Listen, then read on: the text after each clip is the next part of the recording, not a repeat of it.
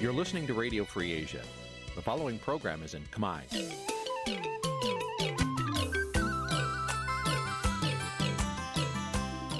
Nǐ ជាកម្មវិធីផ្សាយ Vuthu Azizi Serai នេះជាកម្មវិធីផ្សាយរបស់ Vuthu Azizi Serai ជាភាសាខ្មែរ Vuthu Azizi Serai សូមស្វាគមន៍លោកអ្នកនាងទាំងអស់ពីរដ្ឋធានី Washington នៃសហរដ្ឋអាមេរិកពីរដ្ឋធានី Washington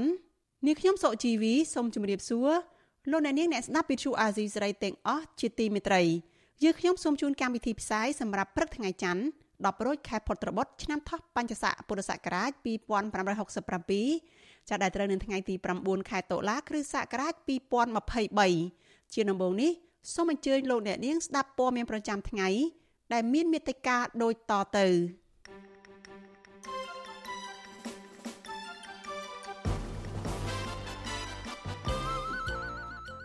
កុមារ3នាក់ស្លាប់ដោយសារទឹកជំនន់នៅខេត្តបន្ទាយមានជ័យនិស្សិតខ្មែរកំពុងជាប់នៅតំបន់ក្បែរតំបន់ហ្គាហ្សាអំពាវនាវរដ្ឋាភិបាល ជួយពួកគេមកស្រុកកំណើតវិញ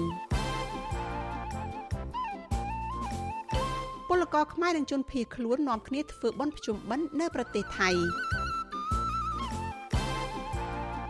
ព្រះសង្ឃប្រជាពលរដ្ឋនិងអង្គការសង្គមស៊ីវិលបារម្ភពីការអូសទាញពលរដ្ឋឲ្យទទួលទានគ្រឿងស្រវឹងក្នុងបន់ភ្ជុំបិណ្ឌរួមនឹងព័ត៌មានសំខាន់ៗមួយចំនួនទៀត។ចាជាបន្តទៅទៀតនេះនាងខ្ញុំសុជីវីសូមជូនព័ត៌មានទាំងនេះពិស្ដា លោកអ្នកនាងកញ្ញាជាទីមេត្រីមន្ត្រីអង្គការសង្គមស៊ីវិលយល់ឃើញថារដ្ឋាភិបាលកម្ពុជាគួរតែដាក់ចេញនូវវិធានការជាក់លាក់ដើម្បីធានាសវត្ថិភាពដល់សិស្សនិស្សិតដែលរស់នៅប្រទេសអ៊ីស្រាអែលការលើកឡើងនេះធ្វើឡើងបន្ទាប់ពីក្រុមជីវពលប្រដាប់អាវុធហាម៉ាស់បានបាញ់រះទៅលើពលរដ្ឋអ៊ីស្រាអែលកាលពីថ្ងៃទី7ខែតុលាដែលបណ្ដាលឲ្យនិស្សិតខ្មែរម្នាក់បានស្លាប់មកដល់ពេលនេះនិស្សិតខ្មែរដែលកំពុងតែរស់នៅទីនោះកំពុងបារម្ភពីសុវត្ថិភាពខណៈការវាយប្រយុទ្ធគ្នាកំពុងបន្តកើតមាននៅអ៊ីស្រាអែល និងតំបន់ហ្គាហ្សា ដែលជាសម្បុករបស់ក្រុមហាម៉ាស់ដែលលាក់ខ្លួនជាមួយនឹងពលរដ្ឋប៉ាឡេស្ទីនចាលោកមានរិទ្ធរាយការណ៍ព័ត៌មាននេះពលរដ្ឋនិងសិស្សនិស្សិតខ្មែររស់នៅប្រទេសអ៊ីស្រាអែលព្រួយបារម្ភពីសុវត្ថិភាពបន្ទាប់ពីក្រុមជីវពលប្រដាប់អាវុធហាម៉ាស់បានបាញ់រះលើពលរដ្ឋអ៊ីស្រាអែលក្នុងទីក្រុងហ្គាហ្សាបណ្ដាលឲ្យនិស្សិតខ្មែរម្នាក់ស្លាប់និងមួយចំនួនទៀតកំពុងស្ថិតនៅក្នុងស្ថានភាពគ្រោះថ្នាក់ និស្សិតខ្មែរកំពុងសិក្សាផ្នែកកសិកម្មនៅសាលា Cedar Negev Agriculture Center នៃប្រទេសអ៊ីស្រាអែលកញ្ញាឌូស៊ូចិនប្រាប់វិសុវស៊ីស្រីនៅថ្ងៃទី8ខែតុលាថាកញ្ញាតក់ស្លុតនឹងផិតភ័យខ្លាំងពីព្រោះកញ្ញាទើបមកដល់ប្រទេសអ៊ីស្រាអែលមិនដល់មួយខែផង ស្រាប់តែមានការផ្ទុះសង្គ្រាមបែបនេះដែលធ្វើឲ្យនិស្សិតខ្មែរម្នាក់ស្លាប់កញ្ញាបន្តថាតំបន់ដែលកញ្ញារស់នៅ មានចម្ងាយ17គីឡូម៉ែត្រពីទីក្រុងហ្គាហ្សា កញ្ញាបន្ថែមថាមកទល់ពេលនេះកញ្ញានិងនិស្សិតខ្មែរ7នាក់ទៀតនៅមិនទាន់ត្រូវបានអាជ្ញាធរអ៊ីស្រាអែលជំលះចេញពីស្រុកសាត់សរិតនៅឡើយទេពលគឺពួននៅក្នុងត្រង់សេដើម្បីគេចចេញពីក្របរកែតនិងក្របបែកនិយាយទៅម្នាក់ម្នាក់គឺ បារម្ភខ្លាំងហ្មងមានអ្នកខ្លះយំយំរហូតតាំងពីម្សិលដល់ឡើយក៏អត់ទាន់មកយំដែរគាត់បារម្ភថាអឺដឹងមិនទេព្រោះនៅនេះក្រុមភាវកគាត់ចូលតាមតបនហើយគាត់ដើរបាញ់រះដល់ក្នុងបន្ទប់អីចឹងណាអានឹងវិជ្ជាការព្រួយបារម្ភខ្លាំងមែនទែនសម្រាប់ពួកខ្ញុំដែលជាស្រីស្រីអញ្ចឹងហើយយើងជាលើកទី1ហើយយើងអង្គុយក្រោមក្របក្រោមអីហោះហើរនៅលើជុំជុំវិញនឹងមកហើយយន្តហោះវិញហោះឆ្វើដូចស្អីចឹងឯង កញ្ញាបន្ថែមថាក្រៅពីមិត្តភ័ក្តិស្រី2នាក់ក្នុងចំណោមមិត្តភ័ក្តិទាំង7នាក់របស់កញ្ញាដែលតក់ស្លុតខ្លាំងរហូតដល់មិនហូបបាយនិងមិនហ៊ានដេកហើយនោះស្បៀងអាហារហូបចុករបស់ពួកគេក៏ជិតអស់ផងដែរចាបងមកសោះមិញលឺខ្លាំងហើយលេងសារ៉ែនសលេងអីគឺលឺជាប់ជាប់គ្នារហូត10នាទី5នាទីអញ្ចឹងគឺលឺម្ដងអញ្ចឹងយើងត្រូវទៅគេងនៅក្នុងត្រង់សេនៅនឹងហ្មងហើយបាយទឹកអីក៏យើងអត់សូវបានហូបអត់សូវបានគេងនៅពេលយប់អញ្ចឹង ប្រធានសមាគមការពារសិទ្ធិមនុស្សអាត់ហុកលោកនីសុខាយល់ឃើញថាស្ថានភាពបែបនេះរដ្ឋាភិបាលគួរតែយកចិត្តទុកដាក់ពីព្រោះពលរដ្ឋខ្មែរនៅប្រទេសអ៊ីស្រាអែលកំពុងស្ថិតនៅក្នុងស្ថានភាពគ្រោះថ្នាក់ដល់អាយុជីវិតលោកបន្តថាបញ្ហាសុវត្ថិភាពរបស់ពលរដ្ឋខ្មែរគឺជាកាតព្វកិច្ចរបស់រដ្ឋាភិបាលដែលជាអ្នកធានាការពារដូច្នេះហើយលោកថាបើគ្រាន់តែចេញសេចក្តីថ្លែងការណ៍ឬសារជាសម្លេង គឺមិនទាន់គ្រប់គ្រាន់នោះទេ ធ្វើយ៉ាងណាប្រមូលព័ត៌មានឲ្យបានសពជ្រុងជ្រោយនិងរកទីកន្លែងសុវត្ថិភាពឲ្យបងប្អូននិស្សិតយើងដើម្បីឲ្យបានមករកទីកន្លែងសុវត្ថិភាពឲ្យបានត្រឹមត្រូវបាទជៀសវាងគ្រាន់តែយើងធ្វើក្នុងកម្រិតត្រឹមតែអំពាវនាវគឺថាយើងត្រូវធ្វើសកម្មភាពយើងនៅប្រាប់ក្រុមនិស្សិតយើងទាំងអស់ថាតើបើមានអសន្តិសុខនៅតំបន់ណាតើយើងគួរតែកិច្ចខ្លួនទៅកន្លែងណាឯកន្លែងណាហើយកន្លែងដែលជ្រកកោនបណ្ដោះអាសន្នហ្នឹងគួរតែមានដំណោះស្រាយអំពីទូតមួយចំនួនឬក៏អំពីកុងស៊ុលក៏ដូចជាអំពីមន្ត្រីខ្មែរយើងដែលរស់នៅទីនោះផងដែរបាទ ប្រតិកម្មរបស់មន្ត្រីសង្គមស្វារុនេះគឺបន្ទាប់ពីលោកនាយរដ្ឋមន្ត្រីហ៊ុនម៉ាណែតនៅថ្ងៃទី8ខែតុលាបានចេញសារជាសម្លេងរយៈពេល76នាទីថារដ្ឋាភិបាលកម្ពុជា បានសហការជាមួយអាជ្ញាធរអ៊ីស្រាអែលដើម្បីជួយពលរដ្ឋខ្មែរដែលស្ថិតនៅក្នុងទីក្រុងហ្គាហ្សា លោកហ៊ុនម៉ាណែតបានបញ្ជាក់ថារដ្ឋាភិបាលកំពុងសហការជាមួយអាជ្ញាធរអ៊ីស្រាអែលដើម្បីចាត់ចែងយកសពនិស្សិតខ្មែរមកធ្វើបុណ្យនៅកម្ពុជានិងជួយសង្គ្រោះសិស្សនិស្សិតកម្ពុជា3នាក់ចេញពីតំបន់ក្រហមលោកហ៊ុនម៉ាណែតអំពាវនាវដល់ពលរដ្ឋខ្មែរឲ្យរកកន្លែងមានសុវត្ថិភាព និងស្ដាប់តាមការណែនាំរបស់រដ្ឋាភិបាលអ៊ីស្រាអែល។ ជាលទ្ធផលនៅក្នុងពេញមួយយប់នេះយើងបានធ្វើការទំនាក់ទំនងជាមួយប្រជាពលរដ្ឋខ្មែរនិងនិស្សិតខ្មែរយើងបានភាគច្រើននៅក្នុងប្រទេសអ៊ីស្រាអែលនិងបានកំណត់ទីតាំងរបស់ពួកគាត់ដូច្នេះនៅជាមួយនឹងកុងស៊ុលកិត្តិយសរបស់កម្ពុជានៅអ៊ីស្រាអែលខ្ញុំសូមបញ្ជាក់ជូនបងប្អូនជនរួមជាតិទាំងអស់ឲ្យបានជ្រាបថាកិច្ចការនេះគឺជាកិច្ចការសំខាន់បំផុតរបស់រាជរដ្ឋាភិបាលនៅក្នុងការធានានៅសវត្ថិភាព សេចក្តីប្រកាសព័ត៌មានរបស់អង្គភាពអ្នកណែនាំពាក្យរដ្ឋាភិបាល នៅថ្ងៃទី8ខែតុលាបង្ហាញថាបច្ចុប្បន្នមាននិស្សិតខ្មែរកំពុងស្នាក់នៅក្នុងប្រទេសអ៊ីស្រាអែលចំនួនជាង450នាក់និងមាននិស្សិតខ្មែរម្នាក់បានស្លាប់នៅក្នុងការវាយប្រយុទ្ធគ្នា រវាងកងទ័ពអ៊ីស្រាអែលនិងក្រុមជីវពលប្រដាប់អាវុធហាម៉ាស់កាលពីថ្ងៃទី7ខែតុលា រដ្ឋាភិបាលកម្ពុជាបានប្រាប់ឲ្យនិស្សិតខ្មែរដែលកំពុងស្នាក់នៅក្នុងប្រទេសអ៊ីស្រាអែលតាក់ទងមកកាន់លេខទូរស័ព្ទ +855 86 88 16 88ដើម្បីឲ្យរដ្ឋាភិបាលអាចទទួលបានព័ត៌មានបន្ថែមពីសុវត្ថិភាពរបស់ពួកគេ ទោះជាយ៉ាងណាមន្ត្រីសិទ្ធិមនុស្សសង្កេតឃើញថាវិធានការរបស់រដ្ឋាភិបាលកម្ពុជានៅពេលនេះខុសគ្នាដាច់ស្រឡះពីរដ្ឋាភិបាលនៃប្រទេសថៃ ដែលនាយករដ្ឋមន្ត្រីថៃ លោកសេដ្ឋាថាវិសិនបានត្រៀមបញ្ជូនយន្តហោះកងទ័ពអាកាសទៅទទួលយកពលរដ្ឋថៃនៅក្នុងប្រទេសអ៊ីស្រាអែលត្រឡប់មកកាន់ប្រទេសថៃវិញ ដោយឡែកសហរដ្ឋអាមេរិកឯណោះវិញក៏ពិចារណានឹងបញ្ជូនកងទ័ពដើម្បីអន្តរាគមន៍ដល់ពលរដ្ឋអាមេរិកាំងដែលរស់នៅក្នុងប្រទេសអ៊ីស្រាអែលផងដែររដ្ឋាភិបាលអ៊ីស្រាអែលបានប្រកាសដាក់ប្រទេសនៅក្នុងស្ថានភាពសង្គ្រាមបន្ទាប់ពីក្រុមជីវពលប្រដាប់អាវុធហាម៉ាស់ចូលបាញ់រះគ្រាប់រ៉ុកែតនៅក្នុងទីក្រុងហ្គាហ្សាកាលពីថ្ងៃទី7ខែតុលា ការវាយប្រហាររបស់ក្រុមជីវពលប្រដាប់អាវុធហាម៉ាស់ធ្វើឲ្យពលរដ្ឋអ៊ីស្រាអែលយ៉ាងតិចណាស់22នាក់ស្លាប់និងរបួសជាង500នាក់ខ្ញុំបានមេរិត Visual C ស្រីពីរដ្ឋធានី Washington លោកអ្នកនាងជាទីមេត្រីសេចក្តីរាយការណ៍ពីខេត្តបន្ទាយមានជ័យឯណោះឲ្យដឹងថាកុមារី3នាក់ដែលមានអាយុ12ឆ្នាំទៅដល់16ឆ្នាំបានលង់ទឹកស្លាប់កាលពីថ្ងៃទី7ខែតុលា នៅពេលដែលពួកគេបានចុះទៅលេងទឹកនៅក្នុងប្រឡាយក្រវ៉ាត់ភូមិមកហឺនឃុំកបខេត្តបន្ទាយមានជ័យមន្ត្រីនគរបាលឃុំកបម្នាក់ប្រាប់វិទ្យុអាស៊ីសេរីនៅក្នុងលក្ខខណ្ឌសុមិនបញ្ចេញឈ្មោះថាក្នុងចំណោមកុមារទាំង3នាក់ដែលបានលង់ទឹកស្លាប់នេះពីរនាក់ជាបងប្អូនបង្កើតនឹងគ្នាហើយពួកគេមានជីដូនមើលថែទាំតែប៉ុណ្ណោះខណៈឪពុកម្ដាយរបស់ពួកគេធ្វើចំណាក់ស្រុកទៅប្រទេសថៃលោកបន្ថែមថាដើម្បីចូលរួមទប់ស្កាត់ការលង់ទឹកបណ្ដាលឲ្យស្លាប់នៅក្នុងរដូវទឹកឡើងនេះ អាណាព្យាបាលត្រូវប្រុងប្រយ័ត្នឲ្យបានខ្ពស់និងមិនត្រូវទុកកុមារតូចតូចឲ្យទៅលេងទឹកដោយមិនមានមនុស្សធំនៅជាមួយនោះឡើយវិទ្យុអាស៊ីសេរីនៅមិនទាន់អាចតេតតแนะនាំពាក្យគណៈកម្មការគ្រប់គ្រងគ្រោះមហន្តរាយលោកខុនសុខាដើម្បីសាកសួរអំពីរឿងនេះបាននៅឡើយទេនៅថ្ងៃទី8ខែតុលាដោយទូរស័ព្ទហៅចូលប៉ុន្តែពុំមានអ្នកទទួល។ ទំព័រ Facebook របស់ស្នងការនគរបាលស្រុកអូជ្រៅបង្ហាញថាកម្លាំងសមត្ថកិច្ចបានជួយជំនះប្រជាពលរដ្ឋជិត50គ្រួសារទៅរកទីទួលសុវត្ថិភាពកាលពីថ្ងៃទី4ខែតុលានិង7គ្រួសារផ្សេងទៀតកាលពីថ្ងៃទី5ខែតុលាមន្ត្រីនគរបាលឃុំកោបលើកឡើងថាស្ថានភាពទឹកជំនន់ទឹកភ្លៀងនៅស្រុកអូជ្រៅនៅមិនទាន់ស្រកចុះទៅវិញនៅឡើយទេគិតត្រឹមថ្ងៃទី8ខែតុលាម្សិលមិញនេះ thank you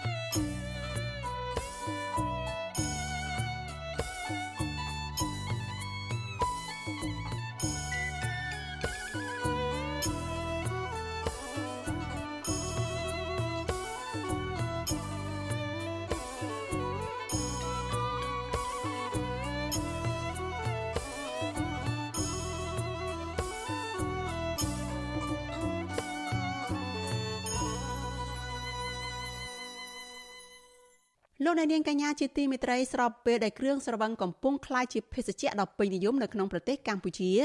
ក្រុមហ៊ុនស្រាបៀរក៏កំពុងពង្រីកការផ្សព្វផ្សាយនិងបន្ថែមរង្វាន់ផ្សេងផ្សេងដើម្បីតាក់ទាញអតិថិជននៅក្នុងរដូវបុណ្យកាន់បិណ្ឌនេះបញ្ហានេះក៏ធ្វើឲ្យព្រះសង្ឃនិងប្រជាពលរដ្ឋរួមទាំងអង្គការសង្គមស៊ីវិលព្រួយបារម្ភពីការអូសទាញប្រជាពលរដ្ឋឲ្យទទួលទានគ្រឿងស្រវឹងកាន់តែខ្លាំងក្នុងឱកាសដែលពួកគាត់ជួបជុំសមាជិកគ្រួសារ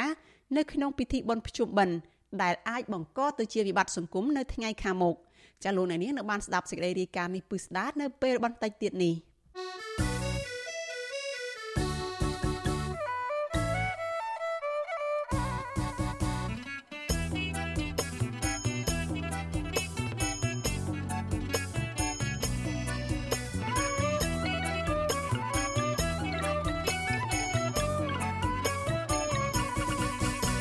លោកនាងកញ្ញាជាទីមេត្រីសេចក្តីរាយការណ៍ពីប្រទេសថៃឯណោះឲ្យដឹងថាពលករខ្មែរនិងជនភៀសខ្លួនថៃមិនបានមកជួបជុំក្រុមគ្រួសារនៅស្រុកកំណើតទេដោយសារតែពួកគេមានជីវភាពខ្វះខាតហើយអ្នកខ្លះរងការធ្វើទុកបុកម្នេញផ្នែកនយោបាយនៅកម្ពុជាទោះយ៉ាងណាថ្ងៃកាន់បិណ្ឌទី9ម្សិលមិញនេះពួកគេនាំគ្នារាប់រយនាក់ប្រពៃពិធីបុណ្យភ្ជុំបិណ្ឌដើម្បីឧទ្ទិសកុសលផលបុណ្យជូនវិញ្ញាណក្ខន្ធបុព្វការីជនដែលបានចែកឋានទៅ ស្របពេលដែលមន្ត្រីស្ថានទូតនិងមន្ត្រីគណៈបកប្រជាជនកម្ពុជារៀបចំពិធីកាន់បិណ្ឌនិងភ្ជុំបិណ្ឌជាមួយកម្មកររាប់ពាន់នាក់នៅក្នុងប្រទេសថៃដែរចាលោកជីវិតារាយការណ៍អំពីរឿងនេះប្រជាពលរដ្ឋខ្មែរនិងជនភៀសខ្លួននៅប្រទេសថៃប្រមាណ500នាក់បានប្រារព្ធពិធីកាន់បិណ្ឌនិងភ្ជុំបិណ្ឌនៅថ្ងៃទី8តុលានៅក្នុងវត្តមង្គលនិមិត្តក្នុងខេត្តសមុទ្រប្រាកានក្នុងសម្លៀកបំពាក់ចម្រុះពណ៌ពួកគាត់ឈររាប់បាតនិមន្តព្រះសង្ឃ7អង្គ ចម្រើនព្រះបរិត្តនិងប្រគិនចង្ហាន់ដល់ព្រះសង្ឃព្រមទាំងមានផ្កាធូបទៀនថ្វាយព្រះឧទ្ទិសកុសលដល់ជីដូនជីតារបស់ពួកគេដែលបានចែកឋានទៅសូមអនុមោទនាបនជុំបានរោមសាមគ្គីសូមអនុមោទនាបនកុសលផលបនតំណាងពលករខ្មែរនឹងជាអ្នកផ្ដួចផ្ដើមរៀបចំកម្មវិធីបុណ្យនេះ លោកឈនសុខឿនប្រាប់វិទ្យុអាស៊ីសេរីថាឆ្នាំនេះមានពលរដ្ឋខ្មែរមកពីគ្រប់ទិសទីយ៉ាងច្រើនកុះកបានជ្រះថ្លាមូលមតិគ្នាចូលរួមបុណ្យកាន់បិណ្ឌបើទោះបីជាមន្ត្រីគណៈបកកាន់អំណាចយកតារាចម្រៀងមករៀបចំកម្មវិធីជួបជុំនៅវត្តក្បែរនោះដើម្បីបំបីកម្លាំងរបស់ពលករក្តីលោកឲ្យដឹងថាការរៀបចំពិធីបុណ្យភ្ជុំបិណ្ឌនៅប្រទេសថៃនេះ គឺដើម្បីឲ្យពលករខ្មែរដែលមិនមានលុយកាក់ទៅចូលរួមពិធីបុណ្យនៅស្រុកកំណើតមានឱកាសជួបជុំគ្នាធ្វើបុណ្យបួងសួងឧទ្ទិសកុសល និងរក្សាសាមគ្គីភាពតាមប្រពៃណីបានដែរពួកយើងរៀបចំធ្វើឡើងនេះគឺទី1គឺដើម្បីរក្សា វប្បធម៌ប្រពៃណីជាតិរបស់ខ្លួន ទី2គឺចង់បញ្ជាក់ពីការសាមគ្គីរបស់ខ្មែរថាទោះតែមិនបាននៅប្រទេសរបស់ខ្លួននៅប្រទេសគេក្រីប៉ុន្តែនៅតែមានឱកាសក្នុងការធ្វើបុណ្យហើយចង់រក្សាវប្បធម៌ប្រពៃណីរបស់ខ្លួនហ្នឹងហើយធ្វើការសាមគ្គីគ្នាយ៉ាងកកហើយទី3នោះគឺយើងចង់បញ្ជាក់ឲ្យក្មេងៗចំនួនក្រោយថាយើងជាចាស់ទុំនេះមិនដែលបោះបង់វប្បធម៌ប្រពៃណីជាតិរបស់ខ្លួនស្រដៀងគ្នានេះដែរ ពលករម្នាក់ទៀតធ្វើការនៅរោងចក្រចំណីសត្វនៅជិតខេត្តសមុទ្រប្រការ លោកគិតបញ្ញាប្រាប់ថាលោកនិងប្រពន្ធមានការរីករាយដែលបានមកជួបជុំជាមួយពលរដ្ឋខ្មែររៀបចំចង្ហាន់ប្រគេនព្រះសង្ឃដើម្បីបួងសួងសុំសេចក្តីសុខនិងឧទ្ទិសកុសលដល់អ្នកមានគុណដែលបានចែកឋានទៅពលកររូបនេះរៀបរាប់ថារដូវបុណ្យទានបែបនេះលោកនឹករលឹកឪពុកម្ដាយបងប្អូនប៉ុន្តែលោកមិនបានទៅស្រុកកំណើតនៅខេត្តបៃលិន ក្នុងពិធីបុណ្យភ្ជុំបិណ្ឌឆ្នាំនេះទេ ដោយសារកង្វះខាតថវិកាសម្រាប់ធ្វើដំណើរគណៈប្រាក់ឈ្នួលនៅកន្លែងការងារទទួលបានតិចតួចស្ទើរតែដោះស្រាយការហូបចុកប្រចាំថ្ងៃមិនបានផងនឹកមែនតើគឺឲ្យតែនឹកឃើញគឺចង់ដល់សតក្នេទី1ដែលយើងជាជាជនជាតិមួយហើយយើងនៅជិតទល់ណែនគ្នាហើយយើងនៅនិយាយរួមប្រទេសនិងប្រទេសប្រទេសវាជាប់គ្នាប៉ុន្តែអ្វីដែលសំខាន់គឺយើងគ្មានលទ្ធភាពទៅលេងស្រុកតែប៉ុណ្្នឹង សប្បាយមែនទែនដែលបានជួបជុំបងប្អូនម៉ែយើងនៅទីនេះសប្បាយមែនទែនហើយឃើញពួកគាត់រស់រាយរាក់ទាក់ហើយពួកគាត់សោចញញញែនតែគាត់បានមកចូលរួមជួបជុំគ្នាឃើញមនុស្សគូអរចំណែកសកម្មជនបកប្រឆាំងដែលបង្ខំចិត្តនិរទេសខ្លួននៅក្រៅប្រទេសដើម្បីកិច្ចពីការធ្វើទុកបុកម្នេញនិងការតាមចាប់ខ្លួនរបស់អាជ្ញាធរភ្នំពេញលោកធុនចន្ទថាដែលបានមកចូលរួមធ្វើបុណ្យកាន់បិណ្ឌជាមួយក្រុមពលកររៀបរាប់ទាំងទឹកភ្នែករលីងរលោងថា លោកនិងសកម្មជនមួយចំនួនទៀតពុំមានឱកាសជួបជុំគ្រួសារសាច់ញាតិនិងយកចង្ហាន់ទៅប្រគេនព្រះសង្ឃតាមវត្តអារាមនានាដោយគេឯងទេលោកស្នើឲ្យរដ្ឋាភិបាលថ្មីបញ្ឈប់ការធ្វើទុកបុកម្នេញលើសកម្មជនបកប្រឆាំងនិងបើកឱកាសឲ្យពួកលោកបានវិលត្រឡប់ទៅរស់នៅជួបជុំគ្រួសារវិញដល់រដូវបន់ទៀនអីយើងត្រូវជួបយកលុយជូនអ្នកម្ដាយអ៊ំពូមីងអីគ្រប់សពបែបយ៉ាងទាំងអស់ដល់ពេលដល់រដូវភ្ជុំបិណ្ឌយើង មកទីនេះធ្វើជនភៀសខ្លួនมันបានជួបជុំបងប្អូនក្រុមគ្រួសារអីចឹងព្រោះមានការមួយដែលសោកស្ដាយបំផុតដែលមិនបានជួបជុំសាច់ញាតិបងប្អូនទឹកចិត្តគឺចង់ពូកជ្រោទៅជួបជុំបងប្អូនក្រុមគ្រួសារនៅឯរាជធានីភ្នំពេញមិនថាខេត្តស្រុកអីដោយសារអីគាត់មានបញ្ហាជាមួយរដ្ឋាភិបាលជនផ្ដាច់ការហ្នឹងធ្វើឲ្យគាត់ហ្នឹងមិនអាចចូលទៅក្នុងស្រុកបានដោយឡែក ស្ថានទូតខ្មែរប្រចាំប្រទេសថៃនិងក្រុមអុកញ៉ាមកពីប្រទេសកម្ពុជាវិញបានរៀបចំពិធីបុណ្យកាន់បិណ្ឌនិងភ្ជុំបិណ្ឌដែលត្រូវនឹងបិណ្ឌទី9ជាច្រើនកន្លែង មានដូចជានៅវត្តសុថននិមិត្តនៅខេត្តសមុទ្រប្រការនិងតំបន់ប្រទូណាមនៅទីក្រុងបាងកកដែលមានពលរដ្ឋខ្មែរចូលរួមរាប់ពាន់នាក់វិទ្យុអាស៊ីសេរីមិនអាចតាក់ទងមន្ត្រីអនុព័ន្ធការងារអមស្ថានទូតកម្ពុជាប្រចាំប្រទេសថៃលោកឈឹមវិបុល ដើម្បីបញ្ជាក់ជុំវិញរឿងនេះបានទេ នៅថ្ងៃទី8តុលាពិធីកាន់បិណ្ឌមានរយៈពេល15ថ្ងៃ គឺចាប់ពីថ្ងៃទី30ខែកញ្ញាដល់ថ្ងៃទី14ខែតុលា ជាថ្ងៃបុណ្យភ្ជុំធំទៅតាមទំនៀមទម្លាប់របស់ពលរដ្ឋខ្មែរនិងការកំណត់ជាទៀងទាត់ពីបុរាណកាលមកបុណ្យនេះធ្វើឡើងដើម្បីឧទ្ទិសកុសលដល់វិញ្ញាណក្ខន្ធនៃអ្នកមានគុណទាំងឡាយដែលបានលាចាកលោកនេះទៅម្យ៉ាងទៀត វាជាឱកាសល្អសម្រាប់ការជួបជុំក្រុមគ្រួសារដែលនៅមានជីវិត អាចឆ្វេងយល់អំពីសុខទុក្ខការគោរពស្រឡាញ់គ្នា ការដឹងគុណ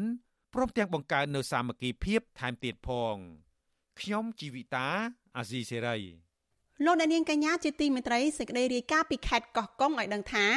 សកម្មជនដីធ្លីល្បីឈ្មោះនៅក្នុងខេត្តនេះដែលទៅត្រូវបានសាលាឧទ្ធរប្រចាំតំបន់តាំងនៅក្នុងខេត្តប្រសិទ្ធនុ ដោះលែងឲ្យនៅក្រៅឃុំបណ្ដោះអាសន្នថ្មីថ្មីនេះលើកឡើងថាពួកគាត់នឹងនៅតែបន្តទៀមទាស្វែងរកដំណោះស្រាយដីធ្លីបើទោះបីជាត្រូវបាត់បង់ជីវិតក៏ដោយមន្ត្រីអង្គការសង្គមស៊ីវិលថាអាញាធរគួរតែបញ្ឈប់ការរឹតបន្តឹងសិទ្ធិសេរីភាពមូលដ្ឋានរបស់ពលរដ្ឋសកម្មជនដីធ្លីនៅក្នុងខេត្តកោះកុងលើកឡើងថាប្រសិនបើគ្មានដំណោះស្រាយវិវាទដីធ្លីនិងទម្លាក់ចោលបទចោទប្រកាន់លើតំណាងសហគមន៍ទាំងអស់នោះទេ ពួកគាត់នឹងនៅតែបន្តទៀមទាស្វែងរកដំណោះស្រាយទោះបីជារងការគំរាមកំហែងឬត្រូវលះបង់ជីវិតក៏ដោយសកម្មជនដីធ្លីខេត្តកោះកុងលោកស្រីផៅយើងប្រាប់វិទ្យុអាស៊ីសេរីនៅថ្ងៃទី8ខែតុលាថាទោះជាស្ថានភាពសុខភាពមិនទាន់ល្អប្រសើរនិងឈឺតាមមុខរបួសក្តីក៏លោកស្រីនៅតែបដិញ្ញាចិត្តជាមួយសហគមន៍ដើម្បីទាមទាររកដំណោះស្រាយដីធ្លី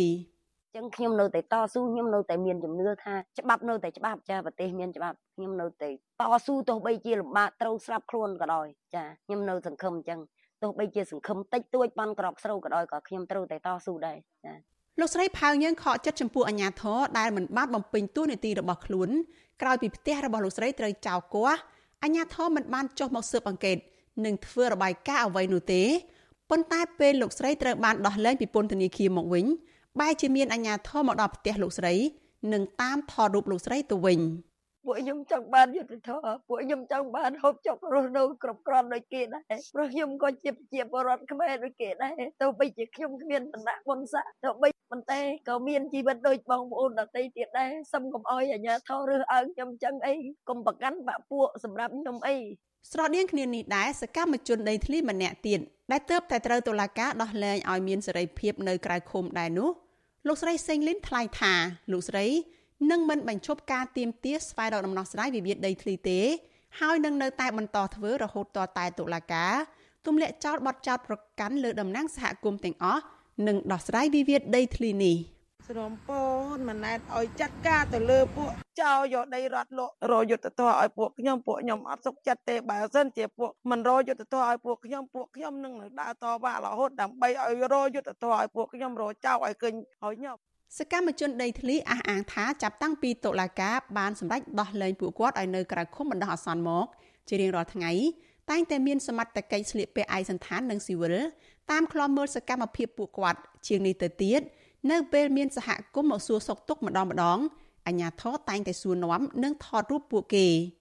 វិទ្យុអាស៊ីសេរីនៅមិនទាន់អាចតាក់ទងអ្នកនាំពាក្យក្រសួងយុតិធធលោកចិនម៉ាលីននិងអធិការនគរបាលស្រុកបទុមសាគរលោកយ៉េនទូចដើម្បីសុំការឆ្លើយតបជុំវិញបញ្ហានេះបាននៅឡើយទេនៅថ្ងៃទី8ខែតុលាទោះយ៉ាងណាមន្ត្រីទទួលបន្ទុកសិទ្ធិមនុស្សនិងធុរកិច្ចនៃមជ្ឈមណ្ឌលសិទ្ធិមនុស្សកម្ពុជាលោកវ៉ាន់សុផាតមានប្រសាសន៍ថា នៅពេលអាជ្ញាធរតាមខ្លំមើលសកម្មជនដីធ្លីជាប្រចាំនោះគឺជាការរំលោភសិទ្ធិសេរីភាពរបស់ពួកគេដូចជាសិទ្ធិបញ្ចេញមតិនិងសិទ្ធិដើរហើរជាដើមលោកបន្តថាអំពើរបស់អាជ្ញាធរមូលដ្ឋាននេះផ្ទុយពីពាក្យថាអគុណសន្តិភាពរបស់រដ្ឋាភិបាលដែលអាចធ្វើឲ្យប៉ះពាល់ទៅដល់មុខមាត់របស់រដ្ឋាភិបាល។ អញ្ចឹងអានឹងវាជាផ្ទុយទៅនឹងការអគុណសន្តិភាពអគុណសន្តិភាពមានន័យថាប្រជាពលរដ្ឋគ្រប់រូបគាត់មានសន្តិភាពបាទសន្តិភាពទាំងផ្លូវចិត្តនិងផ្លូវកាយហើយបើសិនជាដាក់សម្ពាធទៅលើគាត់របៀបហ្នឹងគឺថាអានឹងវាជាសញ្ញាដែលអាជ្ញាធរនឹងមិនអនុវត្តទូនាទីឬក៏ធ្វើឲ្យប៉ះពាល់ដល់កិត្តិស័ព្ទរបស់រដ្ឋាភិបាលទៅវិញទេដោយសារតែរដ្ឋាភិបាលខ្ញុំយល់ថាប្រហែលជាលោកមិនបានបញ្ជាឲ្យអាជ្ញាធរនឹងទៅធ្វើអញ្ចឹងទៅបង្ហាញនៅការរឹតបន្តឹងឬមួយក៏បំបាក់ស្មារតីប្រជាពលរដ្ឋអញ្ចឹងដែរ កាលពីថ្ងៃទី29ខែសីហាសាលាឧទ្ធរខេត្តប្រសេះអនុបានសម្រេចឲ្យសកម្មជនដីធ្លីខេត្តកោះកុងទាំង9នាក់ដែលតុលាការចោទប្រកាន់ពីបទញុះញង់បង្កឲ្យមានភាពវឹកវរធ្ងន់ធ្ងរដល់សន្តិសុខសង្គមឲ្យនៅក្រៅឃុំបណ្ដោះអាសន្នប៉ុន្តែសកម្មជនមានតែ7នាក់ទេដែលត្រូវដោះលែងឲ្យនៅក្រៅឃុំកាលពីពេលនោះចំណែកសកម្មជន2នាក់ទៀតគឺលោកស្រីផៅញើងនិងលោកស្រីសេងលីនត្រូវបានតុលាការចោទប្រកាន់ពីបទបរិហាបង្កាច់គេមួយបទចោទទៀត ហើយត្រូវបានសាលាឧទ្ធរឲ្យនៅក្រៅឃុំកាលពីថ្ងៃទី5ខែតុលាសកម្មជនដីធ្លីនិងមន្ត្រីអង្គការសង្គមស៊ីវិលទទូចឲ្យរដ្ឋាភិបាល បញ្ចប់វិវាទដីធ្លីរ៉ាំរ៉ៃនេះនិងស្នើដល់អាជ្ញាធរមូលដ្ឋានបញ្ឈប់ការរឹតបន្តឹងសិទ្ធិសេរីភាពមូលដ្ឋានរបស់ពលរដ្ឋ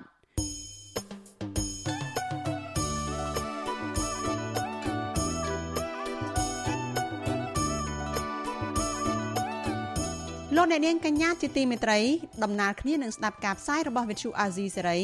ជាតាមបណ្ដាញសង្គម Facebook YouTube និង Telegram លោកអ្នកនាងក៏អាចស្ដាប់ការផ្សាយរបស់វិទ្យុអាស៊ីសេរីតាមរយៈវិទ្យុរលកធាតុអាកាសខ្លី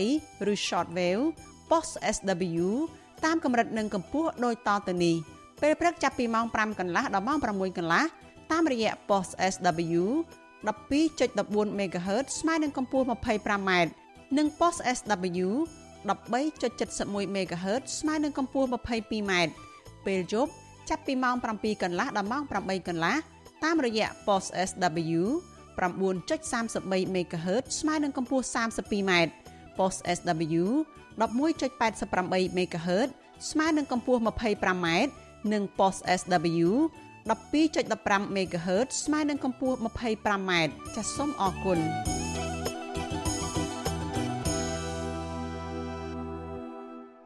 លោកអ្នកនាងកញ្ញាជាទីមេត្រីព័ត៌មានតកតងនឹងខេត្តរតនគិរីឯណោះវិញចាស់ជនជាដើមភៀកតិចចរាយនៅឃុំប៉ក់ញ៉ៃស្រុកអូយ៉ាដាវខេត្តរតនគិរីអះអាងថាក្រោយពីបោះឆ្នោតរួចមកបញ្ហាគ្រឿងញៀននៅក្នុងឃុំនេះកំពុងតែកើនឡើងខ្លាំងដែលធ្វើឲ្យប៉ះពាល់ទៅដល់យុវជន និងប្រជាពលរដ្ឋនៅតំបន់នោះមន្ត្រីអង្គការសង្គមស៊ីវិលជំរុញឲ្យអាជ្ញាធរពាក់ព័ន្ធបង្កើនការទប់ស្កាត់ទៅដល់ក្រុមជួញដូរគ្រឿងញៀននៅតាមជនបទនេះ ចាលោកនៅវណ្ណរិនមានសេចក្តីរាយការណ៍អំពីរឿងនេះជូនលោកអ្នកនាងជនជាតិដើមចរាយរស់នៅក្នុងឃុំប៉ក់ញ៉ៃអះអាងថាយុវជនស្ទើរគ្រប់គ្នានៅក្នុងមូលដ្ឋាន កំពុងប្រើប្រាស់គ្រឿងញៀនបណ្ដាលឲ្យយុវជនបោះបង់ការសិក្សាហើយបាត់បង់ស្មារតីคล้ายជាមនុស្សឈួតលើសពីនេះក៏មានករណីលួចទ្រព្យសម្បត្តិរបស់ប្រជាពលរដ្ឋនៅក្នុងឃុំថែមទៀតផងជនជាតិដើមភាគតិចចរាយរស់នៅក្នុងឃុំប៉ក់ញ៉ៃលោករបាស្វាង ប្រាប់វិទ្យុអាស៊ីសេរីនៅថ្ងៃទី8តុលាថាប៉ុន្មានខែចុងក្រោយនេះយុវជនមានវ័យចាប់ពី20ឆ្នាំឡើងទៅ បានប្រើប្រាស់គ្រឿងញៀនបណ្ដាលឲ្យប្រជាពលរដ្ឋមួយចំនួននៅក្នុងឃុំមានការព្រួយបារម្ភពីសុវត្ថិភាពក្រៅពីនោះលោកក៏បារម្ភការប្រើប្រាស់អំពើហិង្សានិងការបៀតបៀនទៅលើក្មេងស្រីថែមទៀតផងដូចជាកូនផ្សារខ្ញុំខ្ញុំតាមដានឃើញហ្មងអាហ្នឹងខ្ញុំឃើញស្ទាល់តតប៉ុន្តែខ្ញុំ ឃើញវាផ្ទាល់ពេកអញ្ចឹងអត់យកទេសុខចិត្តប្រឡែងវាចោលទៅអញ្ចឹងណាបើគេយើងអត់តាមដានគេទេយើងតាមដានតែផ្ទះខ្លួនយើងបានហើយពលរដ្ឋម្នាក់ទៀតដែលមានវ័យជាង60ឆ្នាំ គឺលោកសេវផ្លើកស្នើឲ្យអាជ្ញាធរពាក់ព័ន្ធចុះទប់ស្កាត់ការជួញដូរនិងការប្រើប្រាស់គ្រឿងញៀននៅក្នុងឃុំនេះឲ្យបានឆាប់ឆាប់ពីព្រោះនៅក្នុងឃុំរបស់លោក មិនមែនតែយុវជននៅលីវប្រើប្រាស់នោះទេក៏ប៉ុន្តែពលរដ្ឋដែលមានគ្រួសារនិងកូនហើយក្តី ក៏ប្រើប្រាស់គ្រឿងញៀននោះដែរលោកបន្ថែមថានៅពេលខ្លះមានការប្រើប្រាស់អំពើហិង្សានៅក្នុងគ្រួសាររីឯយុវជនដែលកំពុងសិក្សាក៏បានបោះបង់ការសិក្សាជាបន្តបន្ទាប់បរំគឺបរំសំខាន់គឺអាក្មេងកំពុងរៀនហ្នឹងបរំគេពេលរៀនហ្នឹងវាចប់តាមគ្នាឯងហ្នឹងពួកហ្នឹងវាខាត់ការរៀនហើយហ្នឹងម្យ៉ាងទៀតអ្នកខ្លះមានពតកូនហើយនៅពួកទៀតខាត់ដងថវិកាក្នុងគ្រួសារ ពលរដ្ឋបានលើកឡើងថានៅក្នុងឆ្នាំ2022កន្លងទៅមានយុវជនប្រើប្រាស់គ្រឿងញៀនចំនួន3នាក់បានចងកសម្លាប់ខ្លួននៅក្រៅពេលដែលប្រើប្រាស់គ្រឿងញៀនបានយូរឆ្នាំហើយបាត់បង់ស្មារតីរីឯបច្ចុប្បន្នយុវជន7នាក់បានបាត់បង់សតិនិងកំពុងคล้ายជាមនុស្សឈួតដើររវើរវាយពេញផ្លូវនៅក្នុងឃុំវិទ្យុអាស៊ីសេរីមិនអាចតាក់ទងអភិបាលខេត្តរតនគិរីលោកញ៉ែមសំអឿននិងស្នងការនគរបាលខេត្តរតនគិរី លោកអង្គសុភិបដើម្បីសុំការបកស្រាយបញ្ហានេះបាននៅឡើយនោះទេ នៅថ្ងៃទី8ខែតុលាដោយទូរស័ព្ទចូលច្រើនដងតែគ្មានអ្នកទទួលចំណែកអភិបាលស្រុកអូយ៉ាដាវលោកសយសំណាង និងអគ្គស្នងការរងនៃអគ្គស្នងការនគរបាលជាតិទទួលបន្ទុកផែនការប្រឆាំងគ្រឿងញៀនលោកម៉ាក់ជីតូក៏មិនអាចតាក់ទងបានដែរជុំវិញរឿងនេះ មន្ត្រីសម្របសម្រួលនៃសមាគមការពារសិទ្ធិមនុស្សអាត6ប្រចាំខេត្តរតនគិរីលោកដិនខានីយល់ឃើញថាបញ្ហាគ្រឿងញៀនជាទុកកង្វល់ដ៏ធំសម្រាប់ប្រជាពលរដ្ឋនៅក្នុងខេត្តនេះដោយមួយឆ្នាំទៅមួយឆ្នាំមានការកើនឡើងជាហូរហែធ្វើឲ្យប្រជាពលរដ្ឋតាមជនបទងាយរងគ្រោះលោកក៏ជំរុញឲ្យអាជ្ញាធរពាក់ព័ន្ធក្នុងខេត្តមួយនេះ ត្រូវមានវិធានការឲ្យបានតឹងរឹងទៅលើអ្នកជួញដូរគ្រឿងញៀនទាំងអស់នោះដើម្បីធានាសុវត្ថិភាពរបស់ប្រជាពលរដ្ឋនិងអនាគតយុវជននៅក្នុងតំបន់យើងចាត់ទុកនឹងបញ្ហាគ្រឿងញៀនវាប្រភពព្រោះយើងនិយាយទៅវាមានអ្នកប្រើប្រាស់ហើយនឹងវាមានអ្នកតែជួញដូរអញ្ចឹងទឹកដៅនឹងថាសំខាន់ជាងគេបើមិនជាគ្មានអ្នកលក់គឺគ្មានអ្នកទិញហើយគ្មានអ្នកប្រើប្រាស់ទេអញ្ចឹងវាតតែយើង មានចំណាត់ការផ្លូវច្បាប់ឲ្យបានតឹងរ៉ឹងចំពោះអ្នកអ្នកលក់គ្រឿងញៀនហ្នឹងកាលពីពេលថ្មីថ្មីនេះរដ្ឋមន្ត្រីក្រសួងមហាផ្ទៃលោកសសុខា បានដាក់វិធានការបង្ក្រាបការចែកចាយនិងការប្រើប្រាស់គ្រឿងញៀននៅតាមពន្ធនាគារទូទាំងប្រទេសហើយលោកក៏ប្រមានចាត់វិធានការផ្លូវច្បាប់ទៅលើមន្ត្រីរូបណា ដែលពាក់ព័ន្ធនឹងបញ្ហាគ្រឿងញៀននេះផងដែរកាលពីខែកញ្ញាកន្លងទៅ អាញាធរជាប្រយុទ្ធប្រឆាំងនឹងគ្រឿងញៀនបានបង្ហាញរបាយការណ៍ថាក្នុងរយៈពេល8ខែដើមឆ្នាំ2023នេះកម្លាំងមានសមត្ថកិច្ចបានបង្ក្រាបករណីជួញដូរនិងប្រើប្រាស់គ្រឿងញៀននៅទូទាំងប្រទេសបានជាង8000ករណីនិងឃាត់ខ្លួនជនសង្ស័យបានជាង12000នាក់ក្នុងនោះសមត្ថកិច្ចក៏បានដកហូតសារធាតុញៀនជាង2600គីឡូក្រាម និងកញ្ឆាស្ងួតជិត50គីឡូក្រាម រួមទាំងសារធាតុគីមីផ្សេងទៀតជាង800គីឡូក្រាមខ្ញុំបាទនៅវណ្ណរិន With Chu Azizi Saray ពីរដ្ឋធានី Washington លោកអ្នកនាងកញ្ញាជាទីមេត្រីលោកអ្នកកំពុងស្ដាប់វិទ្យុអាស៊ីសេរីចាប់ផ្សាយចេញពីរដ្ឋធានី Washington សហរដ្ឋអាមេរិក